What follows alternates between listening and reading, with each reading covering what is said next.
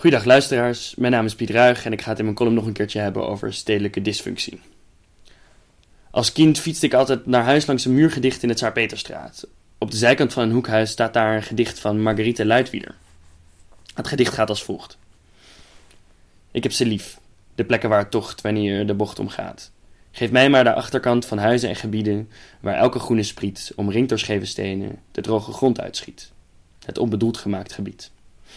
De meeste mensen in de buurt die vaak door die straat fietsten, die kenden dit uh, uit hun hoofd. En uh, de truc was om het zo snel mogelijk te zeggen dat je voordat je er voorbij gefietst was, het al helemaal uitgesproken had. Maar door de locatie is dit lofdicht een soort requiem voor een verloren Raforand. Een monument voor de tijd dat de stad bij de Tsar-Peterstraat al ophield.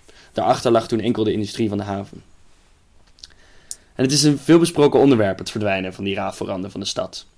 Ik, noem het zelf ook vaak als een van de redenen om van Amsterdam naar Brussel te verhuizen. De sprieten zijn kort gewiekt en de stenen rechtgetrokken door een overijverig stadbestuur en de financiële druk van de kenniseconomie.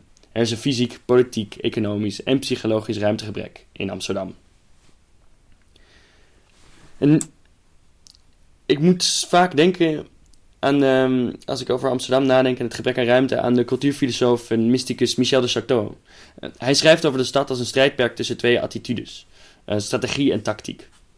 Strategie is volgens hem de functionele ra rationaliteit van de bestuurder en planoloog, die vanuit vogelvlucht de stad bekijkt, die indeelt en categoriseert, die verkeers- en afvalstromen in de juiste banen leidt, als een soort dirigent van de stadssymfonie.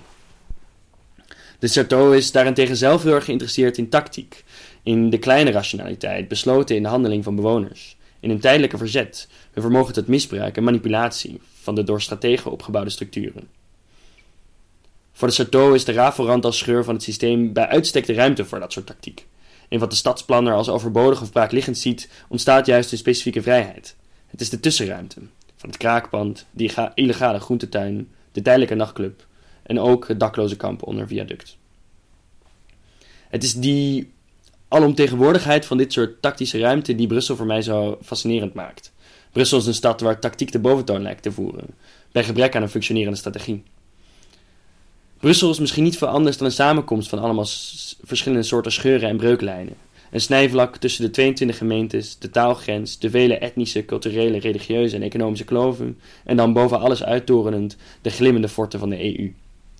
Brusselaars zijn voor mij bij uitstek eh, de bricoleurs van de Sarto, de knutselaars, die iedere dag opnieuw hun stad weer aan elkaar lijmen. Maar toch wantrouw ik mezelf ook als ik Brussel zo beschrijf.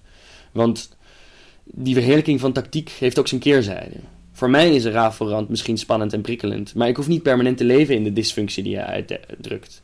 Ik heb slechts minimaal last van falende administratieve diensten en ik verlies niet een aanzienlijk deel van mijn levensenergie in het dagelijkse verkeersinfarct. De armoede, de armoede die ik zie is niet mijn armoede. De rafelrand is een locatie van frictie, van wrijving en daarmee dus van leed. En niet mijn leed, maar het leed van de meest gemarginaliseerden van de samenleving. Om die marge te idealiseren als plek van vrijheid is daarom ook pervers. Misschien wordt de ideale stad dus wel vormgegeven door een soort virtuoze combinatie tussen strategie en tactiek.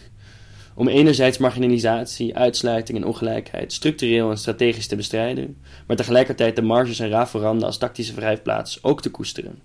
Een soort onmogelijke antiplanologie voor onbedoeld gemaakt gebied.